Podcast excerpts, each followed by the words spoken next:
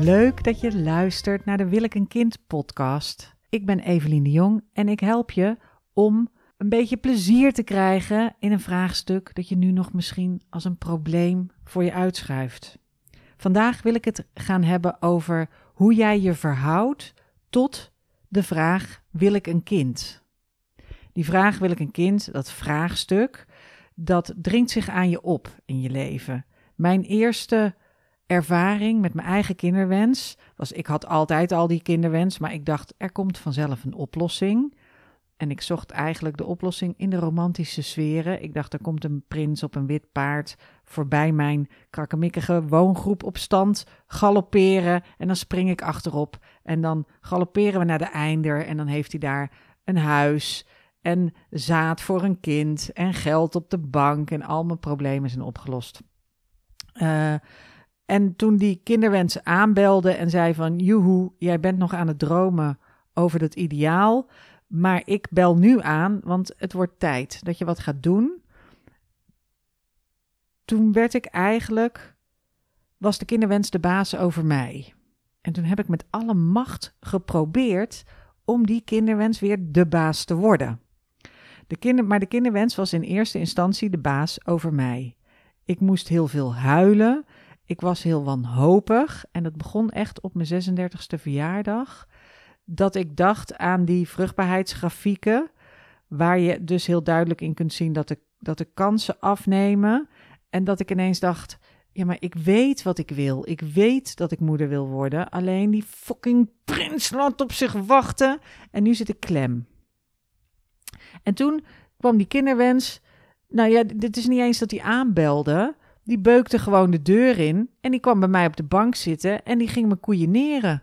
Ik werd gewoon, ik werd een ongeleid projectiel. Niet eens omdat ik dat zelf van mezelf ben ik ook al een beetje druk te maken, maar niet eens, niet eens bewust, maar die kinderwens ging volledig met mij aan de haal.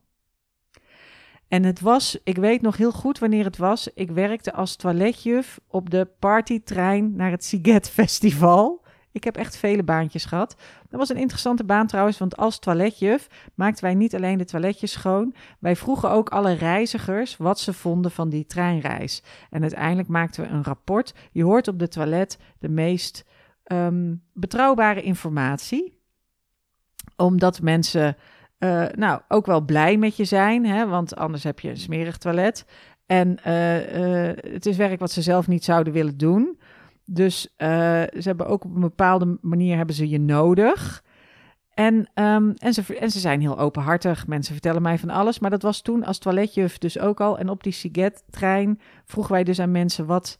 Uh, nou, wat was er top? Wat was er flop aan deze reis? En is er nog iets dat je zou willen veranderen? En er kwam een hele verrassende uitkomst uit. Want de mensen die naar Siget gaan met de, met de trein, Eigenlijk wil je daar van tevoren al zijn. Je wil niet op de dag van het festival aankomen, want dan heeft je tentje een hele slechte plek. Je wil eigenlijk een dag eerder aankomen. Want als je op de dag van het festival aankomt, dan staat je tentje bijvoorbeeld, nou ja, praktisch in de backstage of een zijvleugel van uh, het, het, het headbangpodium of het hoofdpodium. En dan ben je dus, heb je een heel ruk festival, omdat je op een ruk plek staat. Je, je komt liever een paar dagen eerder. En in Budapest is dat toch al te betalen. Nou ja, dat soort informatie haalden wij naar boven. Wist die organisator die de treinen liet rijden, wist dat helemaal niet. Hoe kom ik hier nou toch weer op? Oh ja, de kinderwens. Toen speelde mijn kinderwens heel erg. Dus ik zit op een partytrein. Met leuke gekleurde pruiken op. Het is feest, dolle boel. Ik had mijn zus bij, een vriendin bij en een hele leuke man bij me. En wij gingen met z'n allen uh, naar dat Siget Festival. We zaten niet op het festivalterrein zelf. We hadden een appartementje. Het was helemaal te gek. We gingen een paar dagen naar Budapest. Allemaal leuke jonge mensen. Er kon van alles gebeuren. En het enige wat ik kon doen eigenlijk was bijna, hè, als ik niet aan het werk was, was huilen. Ik was zo um, verdrietig en zo zo'n lange tijd al heen en weer gebeukt rondgesleurd door die kinderwens. Ik had van alles al geprobeerd. Van het heel hard niet willen. Ik dacht, ik laat het gewoon los, ik wil het niet. Dat zeggen mensen ook tegen je. Laat het los, dan komt het vanzelf. Nou, die mensen mogen ze ook. Nou, nou goed, hè, met de beste bedoelingen, verkeerde uitspraken. Beste bedoelingen, verkeerde uitspraken. Maar ik, ik was dus aan het eind van mijn Latijn. Dat is de goede uitdrukking. Ik was aan het eind van, de eh, van mijn Latijn en wij waren in een thermaalbad. Zo hè, van die baden met een zwembad en allemaal sauna's en van die zwaveldingen. En het was allemaal fantastisch. En wij liepen daar, uh, nou, wij lagen daar een beetje te hangen en ik lag weer eens te brullen. Dus ik lag te brullen over die kinderwens. En mijn goede gay vriend, uh, die had allerlei adviezen. De vriendin die verder geen interesse had in het moederschap, had allerlei adviezen. En mijn zus zei op een gegeven moment, ze zegt, Evelien, jouw paniek is terecht. Ik zie gewoon dat je in paniek bent en ik herken je niet. Je bent hartstikke labiel en emotioneel en je huilt echt om alles. En ergens is je angst terecht. Want je bent 36, je hebt geen eigen huis, je bent toiletjuf op een partytrein, je wil een kind en niets in jouw situatie is klaar voordat uh, niets in jouw situatie leidt ertoe dat je moeder gaat worden. Je wil het heel graag en um, je, je wordt steeds gekker. Eigenlijk zou je is het, een, is het niet een idee dat je naar een eerste lijns psycholoog gaat? Die zit in het basispakket, daar ben je voor verzekerd. En zo'n psycholoog, ga daar eens mee praten, want je zit helemaal vast. En je bent jezelf niet meer. Nou, toen reageerde ik heel adequaat. Ik zei, noem je mij nou gek? En toen ben ik, heb ik er achterna gezeten met een gebalde vuist en ik timmer je op je bek, je zus gek noemen, ben jij nou helemaal geschuffeld? Maar toen ik een beetje gekalmeerd was, toen dacht ik, verhip, ik moet naar een psycholoog. Het is zover met mij gekomen. Ik ben een autonome, sterke, avontuurlijke vrouw. Ik hou van spannende dingen. Mijn leven is helemaal de bom diggity. En nu moet ik naar een psycholoog omdat ik ervan af lig. En hoe kan het zijn? Wat heeft mij nou van mijn padje getikt? De kinderwens. En dat kwam omdat die kinderwens zich aan mij opdrong en de baas over mij was. Ik had daar geen enkele,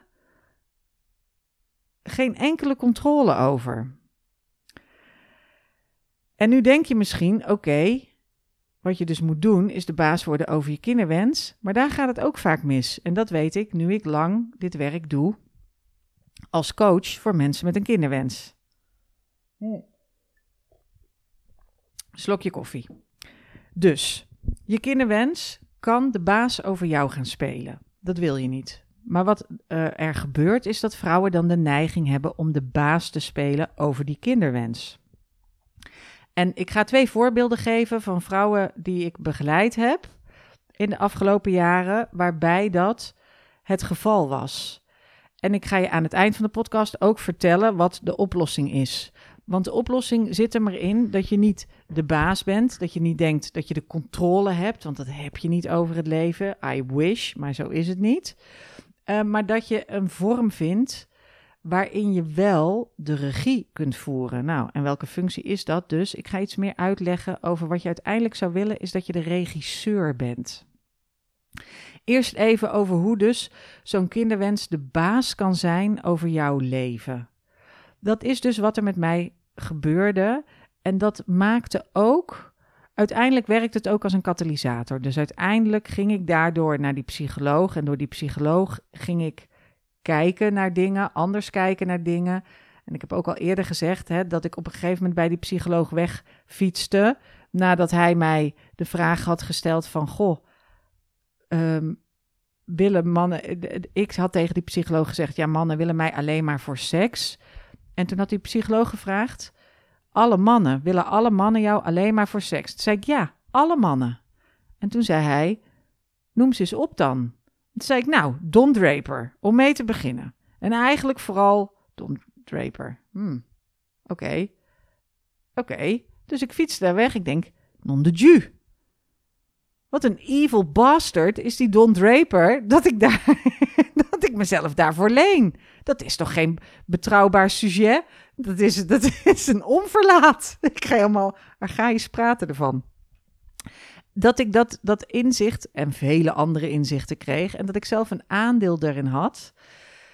dus voordat ik door had, oh, ik ben op zoek naar geborgenheid. Ik wist helemaal niet hoe je geborgenheid moest spellen. Ik was allemaal, ik, wat ik deed was mannen zoeken voor avontuur en vrolijkheid en feest.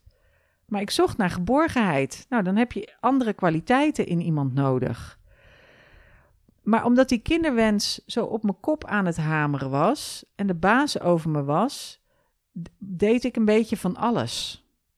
Van alles en nog wat, maar iedere keer als dat dan stuk liep, en dat deed het omdat er geen fundament onder zat. Dus ik ging ook daten met mensen, of ik vroeg dan aan iemand: van, uh, wil jij niet een kind? niet aan de eerste de beste, maar er zijn verschillende mannen waar ik mee gedate heb voor een kinderwens. En dan uiteindelijk, um, sommige dingen hadden ook wel goed kunnen gaan, achteraf gezien. Maar in sommige gevallen liep het stuk. en dacht ik daarna, wat heb ik nou, wat heb ik nou eigenlijk gedaan? En als ik erop terugkijk, achteraf, dan was de kinderwens de baas over mij. Dus die kinderwens duwde mij een ruimte binnen en zei: ga hier maar een oplossing zoeken. Of die zei: probeer het maar met deze knakker. Of die zei: ga maar met dit ding daten, want uh, dan heb je in ieder geval wat. En ik was dus zelf niet de baas. Nou, toen ben ik naar die psycholoog gegaan. Toen ben ik wat meer de baas geworden. Maar de baas over je kinderwens zijn, dus echt als een eindbaas, dat vind ik op zich een prachtige term. En ik mag graag de eindbaas zijn. Of eindbazen hebben die mij met dingen helpen. Uh, of de regie overgeven aan een eindbaas. Maar de, de baas zijn over je kinderwens kan ook averechts werken. En daarvoor zou ik dus twee voorbeelden noemen. Uh, laat ik het eerste voorbeeld uh, dat ik geef, is van een dame die zelf directeur was. Dus die van, vanuit haar eigen karakter, die een sterke baas had in haar persoonlijkheid, op de goede manier. Ze gaf leiding aan het bedrijf, had diverse werknemers. Ze had eigenlijk, ze heeft, alsof het in de verleden tijd is, ze heeft een bedrijf met werknemers. Um, ze is de directeur, ze is de baas daarover en ze neemt beslissingen en ze maakt planningen en ze houdt mensen, ze is zelf verantwoordelijk, ze houdt mensen verantwoordelijk, ze uh, stippelt dingen uit, ze stelt deadlines, ligt op schema, al die dingen, daar heeft ze ervaring mee. En toen zij de baas wilde zijn, dus ze heeft bij mij een kinderwenskompas gedaan. Toen ze uiteindelijk zei van oké, maar nu weet ik hoe ik het anders ga aanpakken, is ze gaan daten voor haar kinderwens. Alleen daarin zat ze heel, was ze eigenlijk heel directief. Wat van natuurlijk, ze is een leider, dus ze, nam, dus ze had leiderschapskwaliteiten. Ze daten met mannen die daar ook prima tegen konden. Alleen in die kinderwens speelt er toch iets anders. Er speelt een groot, er zit een groot verschil tussen mannen en vrouwen. En een van de grootste verschillen is dat mannen wezenlijk meer kansen hebben fysiek. In de praktijk blijkt dat, minder dat er meer mannen zijn die zonder kind en zonder gezin eindigen dan vrouwen. Maar fysiek hebben mannen langer meer kans op het krijgen van een kind. Dus vrouwen hebben 13 kansen per jaar. Ik heb dit al heel veel vaker verteld. Maar als je dit voor het eerst hoort en je schrikt ervan, dan mag je daar best een potje om janken. Het is treurig gesteld. Je ovuleert één keer in de 28 dagen. Dat is 13 keer per jaar. Tot max je 43ste. Daarna komen er allerlei kunstgrepen aan te pas. En kunnen er misschien nog wel dingen, maar wordt het echt heel veel moeilijker. Dus 13 keer per jaar en die ene keer dat je dan ovuleert, in die 28 dagen is de kans helemaal geen 100%, maar veel kleiner. Dat is dus hoeveel kansen je hebt. En als je dus 36, 37 bent, dan begint dat dus, dan zit je te denken van oké, ik heb twee jaar, drie jaar, 26, 39 kansen van het hele pakketje aan kansen wat ik nog heb. Dit is allemaal heel, dit kun je gewoon voor je zien. Dus je ziet kruisjes voor je op de agenda. Dat is een, een ja, je kan zeggen een overzichtelijke hoeveelheid. Het is ook een beperkte hoeveelheid. Er zitten beperkingen aan. Het is afgekaderd, afgemeten. Mannen kunnen duizend keer per jaar een kind maken. Die kunnen drie keer per dag ejaculeren. 365 dagen in het jaar. Oké, het zal een beetje. Je zal een lamme hand krijgen. En uh, ik, ik, het, het is niet helemaal wenselijk. Maar dat is hoe zij denken over kinderen krijgen, kinderen maken, over voortplanting. Dat is het gegeven voor hen. En niet tot hun 43ste, maar tot hun 48ste. En zelfs daarna nog kan dat allemaal. Het is, er is geen hele duidelijke uh, grens of streep of deadline waarop het helemaal niet meer kan. En het kan op ieder moment van de dag. Het kan om drie uur s'nachts, het kan om drie uur s middags. Het kan om, uh, hè, het kan vandaag, het kan morgen, het kan vorige week, het kan uh, volgende maand. Maakt niet uit. Peu importe. N'importe quoi, n'importe quand. Het kan altijd. Ik ben er terug uit Frankrijk. Nou, um, dat tempo maakt dat hij en jij anders erin staan, zonder dat je je daar helemaal bewust van bent. Onbewust speelt deze factor mee. En als je dus als een baas gaat daten voor je kinderwens en je hebt een planning en je weet wat je wil en je bent op zoek naar romantiek, dan, gaat, dan, ga je een aantal dingen heel goed doen. Je gaat op zoek naar wat je hebben wil. Dus je zegt, ik date met mensen die ook een kinderwens hebben. En ik doe dat niet op Tinder. Ik ga op een app voor mensen die wat serieuzer zoeken. Of op een site voor mensen die serieuzer op zoek zijn. Ook naar gezinsgeluk, familiegevoel. Ik zoek dat. Je hoeft niet andere dingen uit te maar ik ga, ik gerichter op zoek. En dat, deze, dat, dat doet ze, dat deze ook. Ehm, alleen wat ze vervolgens deed, was dat ze als ze met die mannen aan het daten was, en dan zeiden die mannen van nou, uh, ik wil dat ook. Maar dan hadden ze binnen, binnen twee maanden hadden ze gesprekken waarin het tijdspad werd besproken.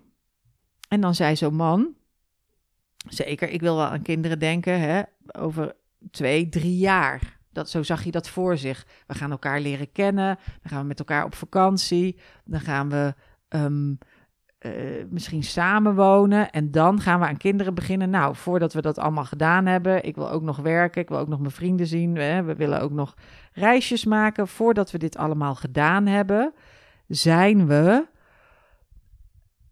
twee, drie jaar verder. Heeft hij heel relaxed over nagedacht. En dan denkt hij, nou, ben ik nog best een snelle jongen, hè? Zit ik nog, dat is, dat is zijn ongeveer natte vinger in de lucht zijn tijdspad. Terwijl zij had een planning. Ze had gewoon een planning, ze had die ovulaties en die deadlines en ze dacht, en dat is ook, ik, ik geef dat aan mensen mee, van, van doe dat eens voor jezelf als oefening, is al doods, doods, doodsbedreigend, eng. Um, daar scheiden de meeste al zeven kleuren van. Hè? Zo'n planning maken. Maar ze had die planning gemaakt en ze dacht: oké, okay, pompt die dom, ik heb een planning. Oké, zegt ze. Nou, ik dacht meer aan 1,2 jaar. Hè? Laten we dus anderhalf jaar en dan moet het zeker wel gaan gebeuren. En dat werkt niet. Je wil dat in het eerste half jaar nog niet op die manier hem voor het blok zetten. Ook niet, zelfs al gebeurt zo'n gesprek hè, met een rozeetje op een terras en is er nog helemaal niks aan de hand en zijn jullie net een vakantie aan het boeken en, en, en of gebeurt het in een geile bui in bed. Wat er gebeurde was dat het uiteindelijk vanuit het niets, na een aantal maanden, zo'n man dan toch zegt, voor een aantal weken, zo'n man dan toch zegt van, hey, ik heb het idee dat jij er net iets anders in staat dan ik. En ik, um, ik ik, dat, dat, dus het voelt alsof we er anders in staan, we nemen afscheid. En dat komt omdat je die planning kun je niet, je bent niet de baas over je kinderwens. Je bent een regisseur. En als iemand in een toneelstuk het toneel opkomt en er moet iets gebeuren, dan bouw je daar naartoe op. En dan zet je eerst, maak je een setting zet je de context uiteen en kijk je hoe alle dingen voelen. En met hoe alle dingen voelen en alle dingen staan, kun je opbouwen. En dat kan heel snel gaan, dat kan wat langzamer gaan. Maar kun je dan opbouwen naar de grote sterfscène of de grote explosie of de, de, de moord of de uh, agressie, whatever. Ik weet niet, hè, er zal wel iets gebeuren in dat toneelstuk. Dus als regisseur ga je niet meteen de mensen zeggen van oké, ehm, nou, er gebeurt nu dit en dat. En dan hier word je heel boos en dan stik je in een, weet ik veel, dan stik je in je eigen, in je eigen speeksel. Omdat je, je, omdat je staat te schuimbekken. Dat kun je niet. Dat, dat kun je niet van tevoren zeggen, je gaat dit nu over 10 minuten doen. En zo kun je dat niet in een kinderwens zeggen, we gaan dit over zoveel maanden, gaan, hè, wil ik het gaan proberen. Dat is mijn tijdspad. Wat moet je dan wel zeggen? Want dat is dan ook interessant. Is dat je dat, dat je, dat je, ehm, dat je dat een interessant tijdspad vindt. En je moet niet meteen het achterste van je tong laten zien. Je hoeft er ook niet over te liegen. Maar ik zou over iets anders beginnen. En, en eerder gaan zitten op ja, er zijn hè, in die twee, drie jaar, wat zou je dan willen doen? Ik zou zelf nog wel deze opleiding af willen ronden, of zo'n reis willen maken, of zoiets willen maken, maar ik zou niet meteen al willen zeggen: Oké, maar ik, mijn planning is zo. Tenzij hij iets zegt waarbij jullie dicht bij elkaar liggen. Maar als jullie niet dicht bij elkaar zitten, als je ziet van hé, hey, er zit één à twee jaar verschil tussen, nou dan laat dat nog maar even liggen. En dan zeg gewoon van, oh ja, ja, daar, eh, daar kan ik wel iets mee. Of uh, um, uh, ja, in die, ik, ik heb ook nog wel voor één of twee jaar genoeg leuke dingen op de agenda staan. Daarmee zeg je niet, ik wil één of twee jaar nog wachten, maar dat je hebt een vol leven en er is genoeg wat je ook kan doen. En, dat is nodig omdat hij ook ruimte heeft, nodig heeft om aan dat idee te wennen. En dan kom ik bij het tweede voorbeeld. Een van mijn lievelingsvoorbeelden uh, is een dame die heeft eerst kinderwenskompas gedaan en daarna nog een keer een, uh, drie keer een verlenging. Um, en het begon ermee dat zij een relatie kreeg met een man die al twee kinderen had. Hij was wat ouder en hij wilde absoluut geen kinderen meer. En toen zij een relatie kregen, waren ze spetterend verliefd. En zij vond het hartstikke leuk. En ze was helemaal niet bezig met het moederschap. En ze vond zijn kinderen heel leuk. En um, eigenlijk is dat. Drie, vier jaar ging dat helemaal goed. En na vier jaar begon het te kriebelen bij haar. En dacht ze: Oké, hoe weet ik eigenlijk of dat ik mijn eigen kinderwens wel wil opgeven voor de jouwe? Want ik vind het, het stiefmoederschap, het bonusmoederschap, bevalt me prima. Maar is het genoeg? Wil ik dit niet zelf ook meemaken? En toen heeft ze bij mij het kinderwenskompas gedaan en daar kwam uit dat ze inderdaad dat verlangen had, dat ze sterk het verlangen had om zelf een biologisch kind te krijgen. Nou was die man heel duidelijk geweest van tevoren. En toen ze dat bij hem terugkwam met ik, ik wil zelf een eigen kind krijgen, zei hij nou, dan scheiden hier onze wegen, want ik heb van tevoren gezegd, ik wil dat niet. En toen zei ze, dat zou ik heel jammer vinden. Hij was natuurlijk ook heel verdrietig. Um, kunnen we niet, zolang als ik dit, ik, ik weet nog helemaal niet wat ik moet gaan doen. En ik ben ook verdrietig over deze uitkomst. Dat is ook nog iets heel, dat is een mega mindfuck. Hè? Dus dat je erachter komt dat je een verlangen hebt. En dat je daar heel verdrietig over bent, omdat het niet matcht met de werkelijkheid waar je in zit. Maar goed, dat is een andere, andere podcast, ander verhaal. Uh, maar ze zegt, zolang als ik dit aan het onderzoeken ben, wil je ons dan nog de kans geven? En dat wilde hij wel. Dus uh, hij zei van, oké, maar ik ga niet van mening, ik laat me niet onder druk zetten, ik ga niet van mening veranderen, ik ga niet, ik, ik wil dit gewoon, ik werd gek in, in de beginjaren en het, is, het was voor die man eigenlijk een traumatische ervaring. Um, die man heeft ook bij mij aan tafel gezeten en die, die in eerste instantie zei hij ook van ik, ik zou het graag wel willen. En um, ik, ik heb dat ook geprobeerd, maar ik kan me gewoon niet eroverheen zetten over alles wat me overkomen is in die eerste, in die eerste drie jaar. En toen ging ook nog dat huwelijksstuk waarvan ik dacht dat het perfect was. Ik wil zo'n situatie nooit meer inzitten. En de dingen waar hij moeite mee had, dus een kind bij hem, eh, is vooral die jonge jaren, een baby die huilt, die aandacht en verzorging nodig heeft, die alles dicteert. Want je kunt niet zeggen, nu moet je echt even stil zijn, want nu moet ik een geluidstrek opnemen. Of nu moet je echt even stil zijn, want nu heb ik een belangrijke meeting. Of uh, nu even niet. Dat kun je niet zeggen tegen een baby. De kleine tirannetjes. Nee, maar dat, dat gaat gewoon niet. Je kunt ze ook niet even dan, hè, je kunt er ook niet even een kussen op leggen of ze even silencen. Maar die gedachte schiet misschien wel door je heen. En daar voel je je ook niet heel lekker bij. En dat allemaal bij elkaar en ruzie in het huis had, had voor hem een, was voor hem traumatisch geweest. Dus hij wilde dat per se niet. Hij wilde dat niet. Hij was bang voor een herhaling van die ervaring. En dan kun je zeggen: Ik ben een ander type vrouw. Ik ga het anders doen. Ik ga, er zijn allerlei dingen die je kunt veranderen. Maar wat hij ervaren heeft, is de kennis die hij heeft. Enfin, ik heb ze begeleid, haar bij het uh, onderzoeken naar de alternatieven en ook begeleid bij de gesprekken tussen hen hierover.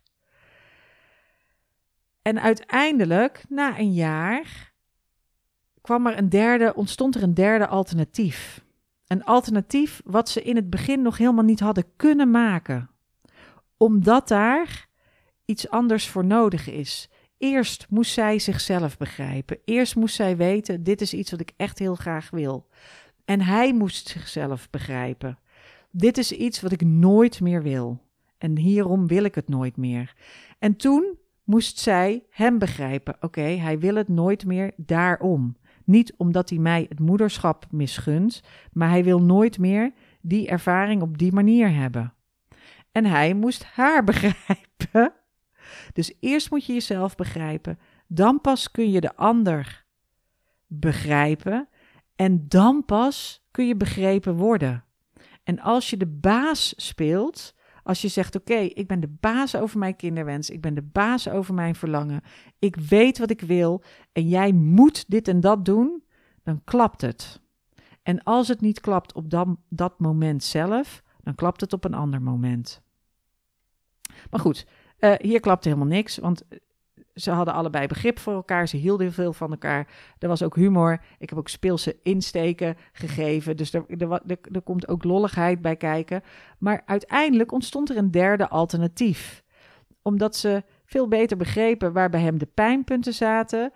Zij is ook gaan zoeken naar alternatieven en heeft echt gedate met andere mensen en onderzocht, is naar speeddates geweest voor de kinderwens, heeft mensen ontmoet, heeft solomoeders gesproken. Dus ze heeft van alles om te kijken welke prijs ben ik bereid te betalen. En samen zijn ze elkaar niet uit het oog verloren. Dus ze hebben wel verschillende paden bewandeld, maar die liepen parallel aan elkaar en ze bleven met elkaar in verbinding, in liefdevol contact. um, waarom moet ik daarom lachen? Omdat het dan zo zijig klinkt, maar het is wel, wel gemeend. En die, die ruimte is nodig geweest en een jaar lang hebben ze daaraan gewerkt. En het derde alternatief is dat ze huizen naast elkaar hebben, dicht bij elkaar in de buurt.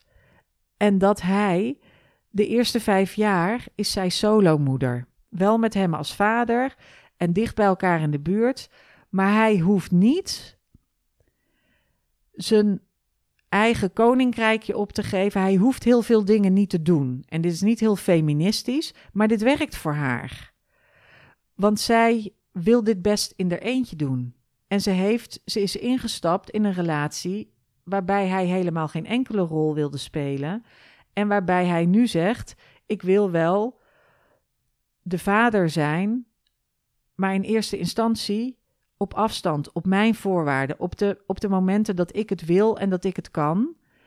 En um, nou, dan moet je dat ook nog uitleggen aan de familie. Die begrijpt er ook helemaal geen snars van. En er zijn ook allerlei mensen die zeggen dat is niet feministisch en het is niet dit en het is niet dat. Maar als voor jullie dat derde alternatief werkt en als jullie het goed uitgewerkt hebben en je weet waar je aan begint en je kunt dat verhaal, als je de regisseur bent, als regisseur, dan, dan verkoop je het verhaal aan de mensen die erin spelen en je bouwt met hen samen, bouw je het verhaal. En dat is, daarom zijn regisseurs zo belangrijk. Een regisseur, die, dat is de rol die je wil pakken als je met je kinderwens bezig bent. Dan wil je de regisseur zijn over dit vraagstuk. En dat betekent dat je dus onderzoek moet doen. Dat je goed moet weten welke verborgen patronen er spelen, welke lagen eronder zitten, welke je moet jezelf begrijpen. En dat moet je niet alleen, je moet niet alleen jezelf begrijpen, je moet alle karakters die op het toneel staan begrijpen. Je moet van iedereen weten wat er speelt. En als je dat begrip hebt, als je daar zicht op hebt, dan kun je begrijpen hoe het verhaal zich kan ontwikkelen. En dan kun je het sturen. En dan kun je zeggen: het ik wil dat het verhaal zo af gaat lopen. En ik wil gaan zoeken naar hoe we dit verhaal de goede kant op kunnen sturen met alle karakters die erop zitten. En er zit ook, als regisseur ben je liefdevol. Je kunt niet de baas zijn over je acteurs. Je kunt niet zeggen, hé, hey, nou janken kreng. Want dan krijg je niet een verdrietige, dan krijg je een angstig verdrietige scène en niet een melancholisch verdrietige scène, als dat is waar je naar op zoek bent. Dus je, je kunt niet, je kunt als regisseur, zoek je speelse insteken.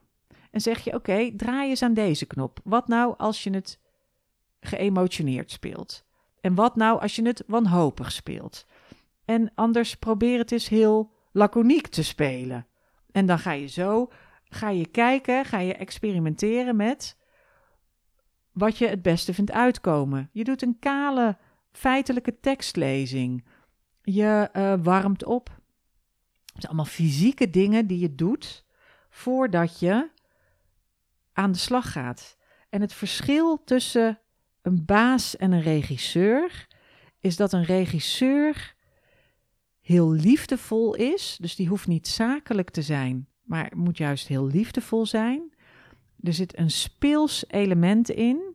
Dus waarbij je dus, en dat betekent dat experiment is daarin heel belangrijk. Dus dat je iets probeert en dat je denkt: oké, maar de uitkomst maakt niet uit. We proberen dit gewoon even. En dan krijgen we meer informatie. En dan gaan we daarna naar, het volgen, dan gaan we daarna naar de volgende stap.